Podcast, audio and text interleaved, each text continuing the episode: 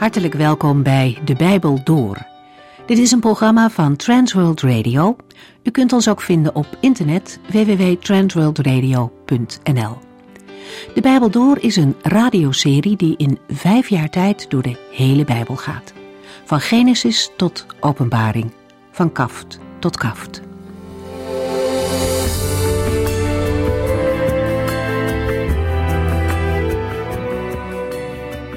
Vandaag lezen we verder in het Bijbelboek Openbaring. We zijn de vorige keer begonnen in hoofdstuk 7. In het vorige hoofdstuk hebben we al gelezen over de oordelen die God over de aarde brengt. Er worden zes zegels geopend, waarmee elke keer een nieuw oordeel begint. Als we ons proberen ons daar iets bij voor te stellen, valt dat niet mee. Grote delen van de wereldbevolking zullen omkomen door oorlogen, ziekte en natuurrampen. En zelfs in het heelal zullen allerlei bijzondere verschijnselen zich voordoen. Hemellichamen vallen op de aarde. De zon wordt verduisterd en de maan wordt rood als bloed. Alles wijst erop dat de schepping voor goed zal veranderen. De stabiliteit van het heelal zal verdwijnen. Deze chaos brengt een geweldig grote onrust bij de mensen. Iedereen is doodsbang. Alle zekerheden voor de mens zonder God vallen weg. Bij niets en niemand kan men terecht voor hulp. Van hoog tot laag, heel de wereldbevolking is bang en probeert zich te verstoppen voor de Allerhoogste God. Maar nergens is echter een plaats waar men veilig is voor het oordeel van God. Hoofdstuk 6 eindigt dan ook met de conclusie dat de grote dag van de toren van God is gekomen en dat niemand die kan overleven. Het is het moment dat Christus definitief ingrijpt in de geschiedenis en alle zonden en zondaars zal oordelen. Toch is er een groep mensen die ontkomt aan het oordeel. In hoofdstuk 7 wordt het openen van de zeven zegels onderbroken. Het oordeel blijft nog even uit, omdat de dienaren van God eerst verzegeld moeten worden. Zij zullen overleven. Deze mensen hebben de enige schuilplaats voor het oordeel van God ontdekt en aangenomen. Zij geloven in de Heer Jezus Christus en zijn trouw aan Hem gebleven. Niet één van hen zal verloren gaan. We lezen verder in Openbaring hoofdstuk 7.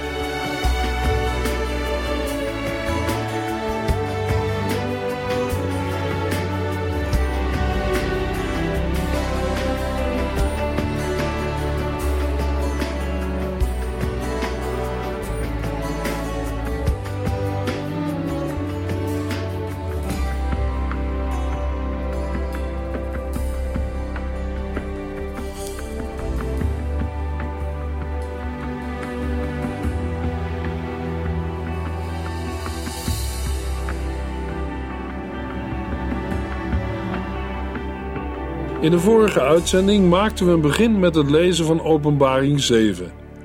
Om het verband vast te houden lezen we de eerste twee versen nog een keer. Openbaring 7, vers 1 en 2. Daarna zag ik vier engelen op de vier hoeken van de aarde staan. Zij hielden de vier winden vast, zodat er nergens een zuchtje wind was. De zee was zo glad als een spiegel en er ritselde geen blad aan de bomen.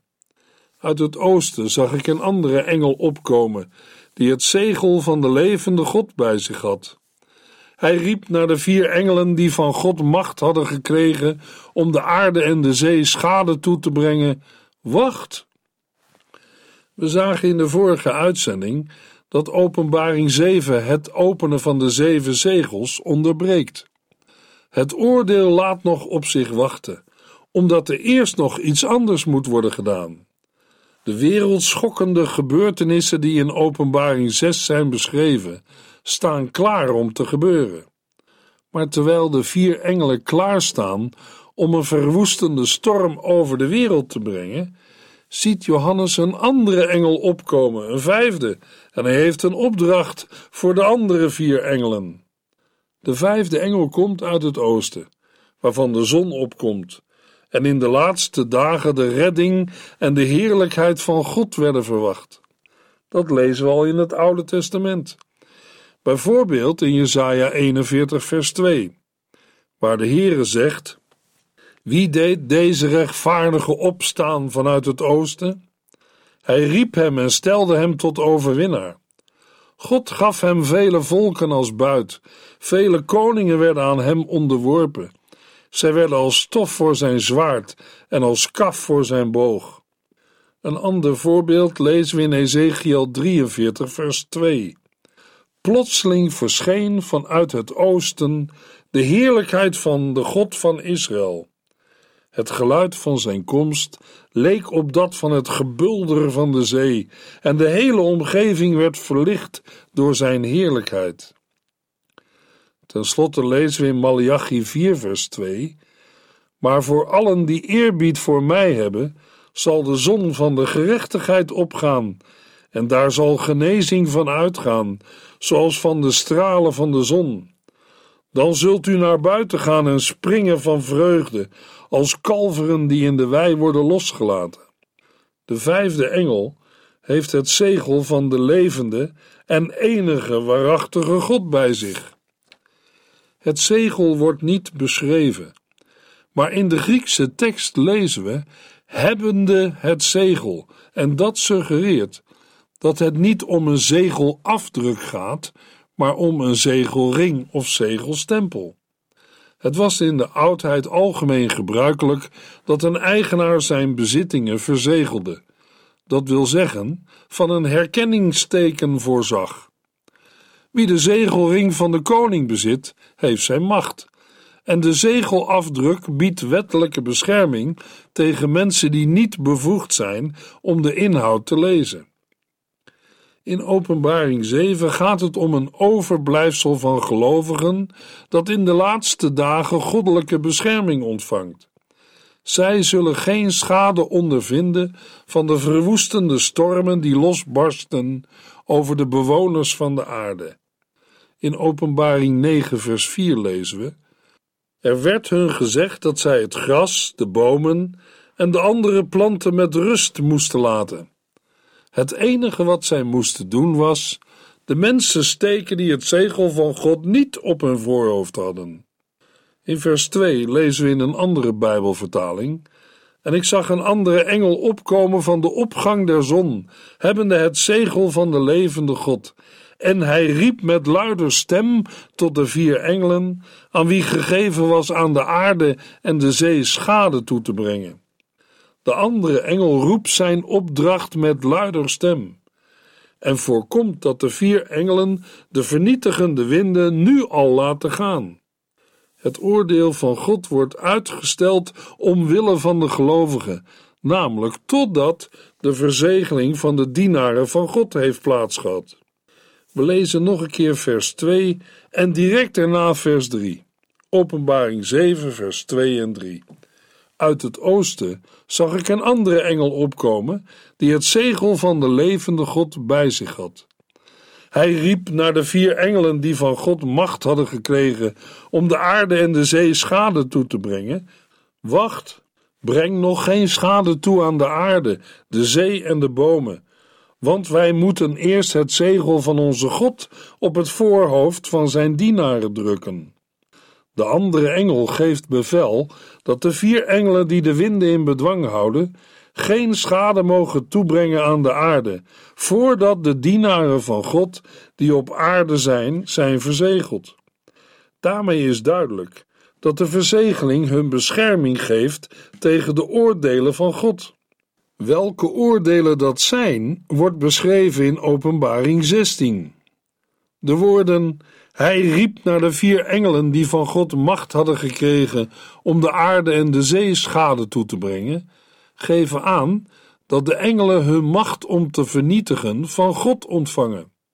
We lazen in Openbaring 9, vers 4 dat het zegel op hun voorhoofd bescherming biedt tegen aanvallen van demonische machten. De 144.000 gelovigen die in Openbaring 7 worden verzegeld, ontvangen dan ook bescherming tegen goddelijke oordelen, als ook tegen de demonische aanvallen die in de eindtijd plaats hebben. Zij zullen dan ook niet omkomen in de grote verdrukking die aan de wederkomst van Christus voorafgaat en die over de hele wereld zal komen. Het komt overeen met wat Jezus zegt in Matthäus 24, vers 22. Als God die tijd niet zou verkorten, zou geen mens gered worden. Maar die tijd zal worden verkort, ter wille van hen die bij God horen. Voor de betekenis van verzegelen verwijs ik naar de uitleg van Openbaring 7, vers 2. Dat het zegel op hun voorhoofd wordt gedrukt, herinnert aan Ezekiel 9, vers 4. Hoe de zegelafdruk eruit ziet, wordt hier niet gezegd. Maar in Openbaring 14, vers 1 ziet Johannes opnieuw een groep van 144.000 verzegelden. Aangezien het om dezelfde groep mensen gaat, blijkt het zegel de naam van het lam en zijn vader in te houden. Het gegeven dat de verzegeling op een moment in de eindtijd plaatsvindt, sluit een relatie met de waterdoop of de doop met de Heilige Geest uit. Dat is anders dan wat we in 2 Korintiërs 1 vers 22 lezen, namelijk hij heeft zijn stempel op ons gezet door ons zijn Heilige Geest in het hart te geven. Daardoor zijn wij verzekerd dat wij bij hem horen. Voor het woord dienaren lezen we in het Grieks het woord doulos. Dat betekent slaaf of dienaar. In de oudheid was een maatschappij zonder slaven ondenkbaar. Zowel in de Hellenistische wereld, dat is het oosten zoals dat sinds Alexander de Grote min of meer onder Griekse invloed was gekomen, als ook in de Romeinse samenleving, was slavernij een vrijwel algemeen aanvaard principe. Ook onder Israël waren slaven niet onbekend, maar ze werden door een mildere wetgeving beschermd. Ten tijde van het Nieuwe Testament kwamen slaven bij Joden minder voor, al waren ze beslist niet afwezig. Zo lezen we over slaven of knechten van de hoge priester bij de gevangenneming van de Heer Jezus. De Jezus gebruikt bij zijn onderwijs over het koninkrijk van de hemel meer dan eens de relatie tussen een heer en zijn slaven of knechten, of tussen een koning en zijn slaven, waarmee nu eens zijn onderdanen in het algemeen bedoeld zijn, dan weer zijn beambten met inbegrip van de hoogste. Over de verhouding tussen een slaaf en een minderjarige erfgenaam schrijft Paulus in Galaten 4. Verder treffen we het woord doulos aan samen met het tegenovergestelde van slaaf, namelijk vrij man. Een slaaf is het eigendom van zijn heer of meester en verplicht tot gehoorzaamheid. Dit is van belang als we het Griekse woord vergelijken met andere woorden voor mensen die diensten verrichten. Bijvoorbeeld iemand die een ander verzorgt, een bediende of een huisbediende, of de verzorging van een kind of een helper. Daarnaast zijn er twee woorden die ook betrekking kunnen hebben op mensen met een speciale bediening in de gemeente: een diaken en iemand die een openbare dienst verricht, bijvoorbeeld een priester. Wel kan een slaaf door een aparte opdracht over andere slaven aangesteld worden, maar hij heeft dan ook een grotere verantwoordelijkheid, juist op het punt van gehoorzaamheid. Een slaaf kon ook worden vrijgelaten zich met eigen gespaard geld vrijkopen of door een ander worden vrijgekocht. Het Griekse woord doulos kan ook in bijzondere zin gebruikt worden in de combinatie van slaaf van God. In deze gevallen wordt vanwege de in onze taal en cultuur negatieve bijklank meestal vertaald met dienaar of knecht. Maar ook dan houdt het Griekse woord gehoorzaamheid in. We lezen het ook van Christus zelf. Het is verwoord door de apostel Paulus in Filippenzen 2, vers 5 tot en met 8. Blijf erop toezien dat uw innerlijke houding moet zijn zoals die van Christus Jezus, die, hoewel hij de gestalte van God had, zich niet heeft vastgeklampt aan zijn goddelijke rechten. Integendeel, hij legde zijn grote macht en heerlijkheid af nam de gestalte aan van een dienaar en werd mens. Herkenbaar als mens vernederde hij zich en gehoorzaamde tot het uiterste, zelfs tot in de dood aan het kruis. Behalve de uitdrukking slaaf van God, vinden we ook regelmatig de verbinding slaaf van Christus. Beide woordcombinaties, die samen voorkomen in de Griekse tekst van Jacobus 1, vers 1, duiden niet op een speciale functie binnen de gemeente, maar zijn algemene aanduidingen voor de verhouding tussen de gelovigen en de Heer Jezus. De aanduidingen worden door de heiland ook vergeleken met die tussen een leraar en zijn leerlingen. Iemand met een bijzondere bediening moet zich wel gedragen als een slaaf of dienaar van de gelovigen. Wat natuurlijk niet wil zeggen dat de gelovigen op hun beurt zich kunnen gedragen als heer van de dienaar. De maatschappelijke status van slaaf speelt overigens onder gelovigen in hun verhouding tot de Heere God geen enkele rol. Ten slotte wordt nog in overdrachtelijke zin gesproken over een slaaf van de zonde en een slaaf van het verderf, waardoor een vorm van sterke afhankelijkheid wordt uitgedrukt. De woorden zijn dienaren in Openbaring 7, vers 3, waar de engel zegt: Wacht, breng nog geen schade toe aan de aarde, de zee en de bomen, want wij moeten eerst het zegel van onze God op het voorhoofd van zijn dienaren drukken, wijzen op een figuurlijke betekenis.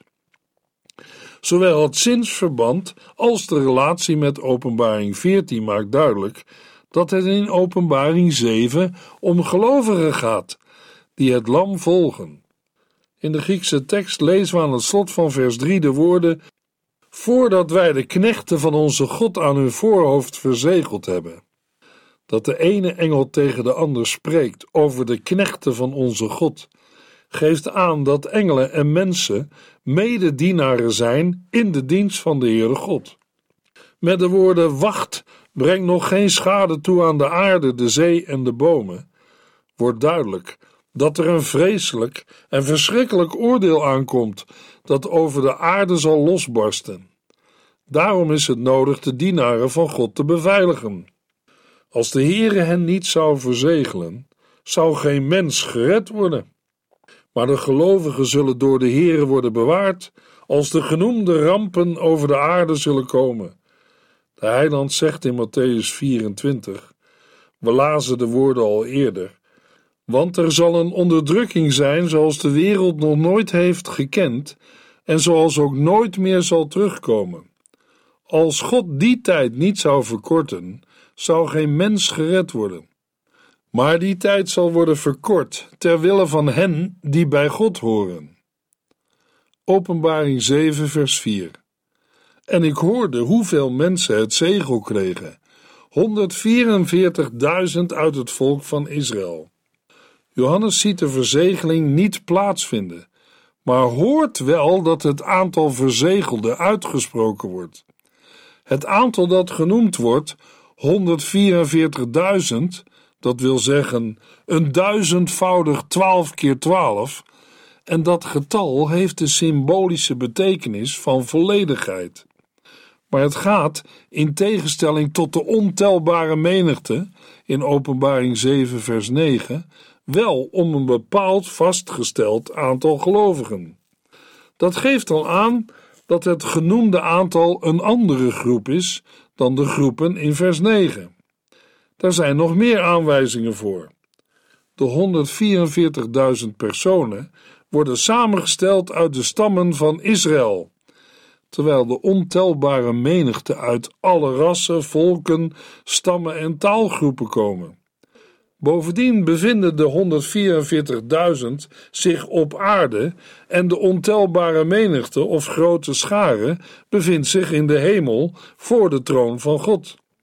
Ook bevinden de verzegelden zich in een situatie van dreigend gevaar, terwijl de ontelbare menigte van overwinnaars de hemelse beloning al heeft ontvangen. Wat betreft de identiteit van de verzegelden, horen we nu dat ze komen uit het volk van Israël. Israël is normaliter de term waarmee het Joodse volk zichzelf als verbondsvolk aanduidt. In het Bijbelboek Openbaring alleen in Openbaring 7 vers 4 en in Openbaring 21 vers 12, terwijl de buitenwereld de term Joden gebruikt. De verzegelden komen uit elke stam en vormen dan ook een deel van een groter geheel.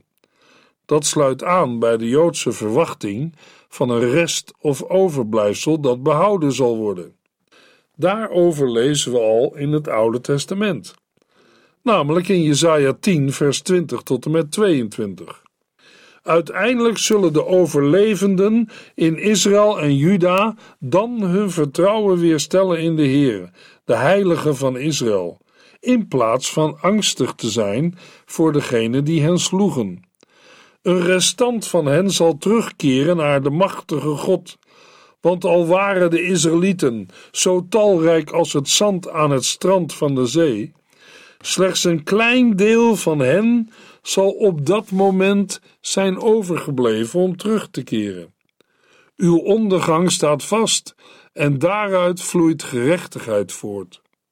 En verderop in Jesaja, in Jesaja 28 vers 5 lezen we Uiteindelijk zal de Heere van de hemelse legers zelf hun gekroonde glorie zijn.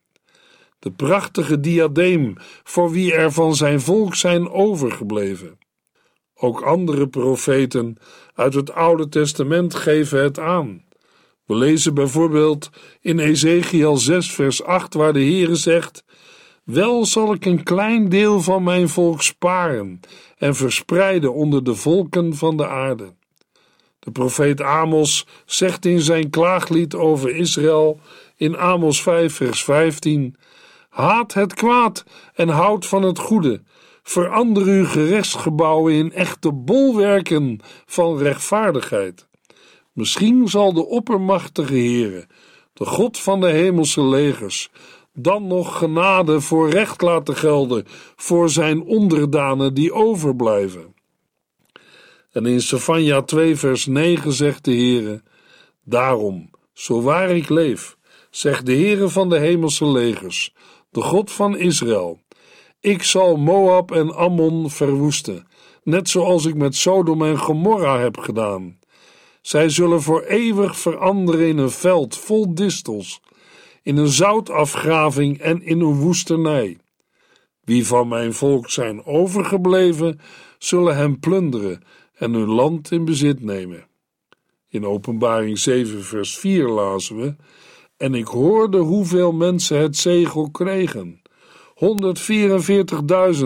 uit het volk van Israël. Als we naast deze woorden Openbaring 14 lezen, met name vers 1 tot en met 5, dan zegt Johannes: Ik zag het lam op de berg Sion staan. Er waren 144.000 mensen bij hem. Ze hadden zijn naam en de naam van zijn vader op hun voorhoofd. En ik hoorde een geluid uit de hemel als van een enorme waterval of van zware donderslagen. Het leek ook wel op harpmuziek. Het waren de 144.000 die een nieuw lied zongen voor de troon van God, voor de vier levende wezens en voor de ouderlingen. Zij waren de enigen die dat lied kenden. Niemand anders dan de 144.000 vrijgekochten van de aarde kon het leren. Ze hebben met niemand gemeenschap gehad, maar zijn zuiver gebleven. Zij volgen het lam waar hij ook heen gaat. Ze zijn vrijgekocht uit de mensen, de eerste oogst voor God en het lam. Ze hebben geen leugen over hun lippen laten komen en er valt niets op hen aan te merken. Uit deze woorden blijkt dat het in Openbaring 14 om christenen gaat. Dan kan het in Openbaring 7 niet gaan om Joden in het algemeen, maar wel om Joden die de Heer Jezus als Messias erkennen en daarom afgezonderd worden van de rest van het Joodse volk. Johannes hoort in Openbaring 7 dingen die op dat moment gezegd en gedaan worden maar in werkelijkheid in de toekomst zullen gebeuren, namelijk in de laatste generatie voor de grote dag van de Here. Wat is de betekenis van het getal 144.000? Het doelt niet op een exact aantal, maar is een symbolisch getal. We gaven al eerder aan dat het getal een duizendvoudig 12 keer 12 is en dat het de symbolische betekenis heeft van volledigheid. Toch gaat het, in tegenstelling tot de ontelbare menigte mensen in vers 9, wel om een bepaald vastgesteld aantal gelovigen. Toekomstige bewoners van het nieuwe Jeruzalem worden ermee aangeduid. In de mate van het nieuwe Jeruzalem keren vergelijkbare getallen terug. En er loopt nog een lijn naar het nieuwe Jeruzalem. Op de poorten die toegang geven tot de stad staan de namen van de twaalf stammen. De namen in Openbaring 7 gaan terug op nummerie 1 en 2, waarbij de berg Sinai de telling van de strijdbare mannen heeft plaatsgevonden. Daar staat ook het voorschrift hoe zij zich moesten legeren rondom het heiligdom. Zo heeft de Heere Israël voorbereid op het uitvoeren van zijn oordeel over de goddeloosheid van de inwoners van het land Canaan en de inname van het beloofde land. De bedoeling van Openbaring 7, vers 1 tot en met 8 is dezelfde. Er zijn wel drie verschillen tussen de opsomming van de twaalf stammen in Openbaring 7 en in Numeri. Namelijk 1. In Openbaring 7 ontbreken de stammen Dan en Ephraim. In de tijd van het Oude Testament waren beide stammen betrokken bij beeldendienst, afgoderij en hoererij.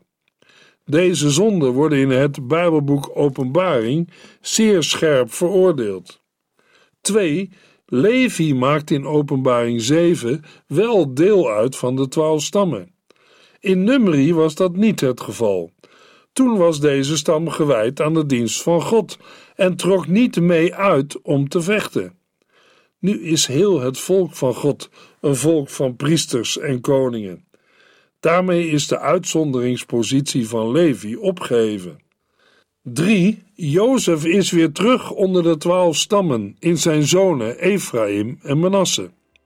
Ten slotte, hoe zit het met de 144.000 en de ontelbare menigte mensen? In Openbaring 7 gaat het ook om degenen die de strijd aangaan, de martelaren. Zij zullen overwinnen. In Openbaring 14 is de strijd ten einde. Dan zingen de strijders het lied van de verlosten. We kunnen zeggen dat de 144.000 de voorhoede zijn van de ontelbare menigte mensen. Openbaring 7, vers 9 tot en met 17 laat het hele volk zien dat in de overwinning deelt. Maar daarover meer in de volgende uitzending.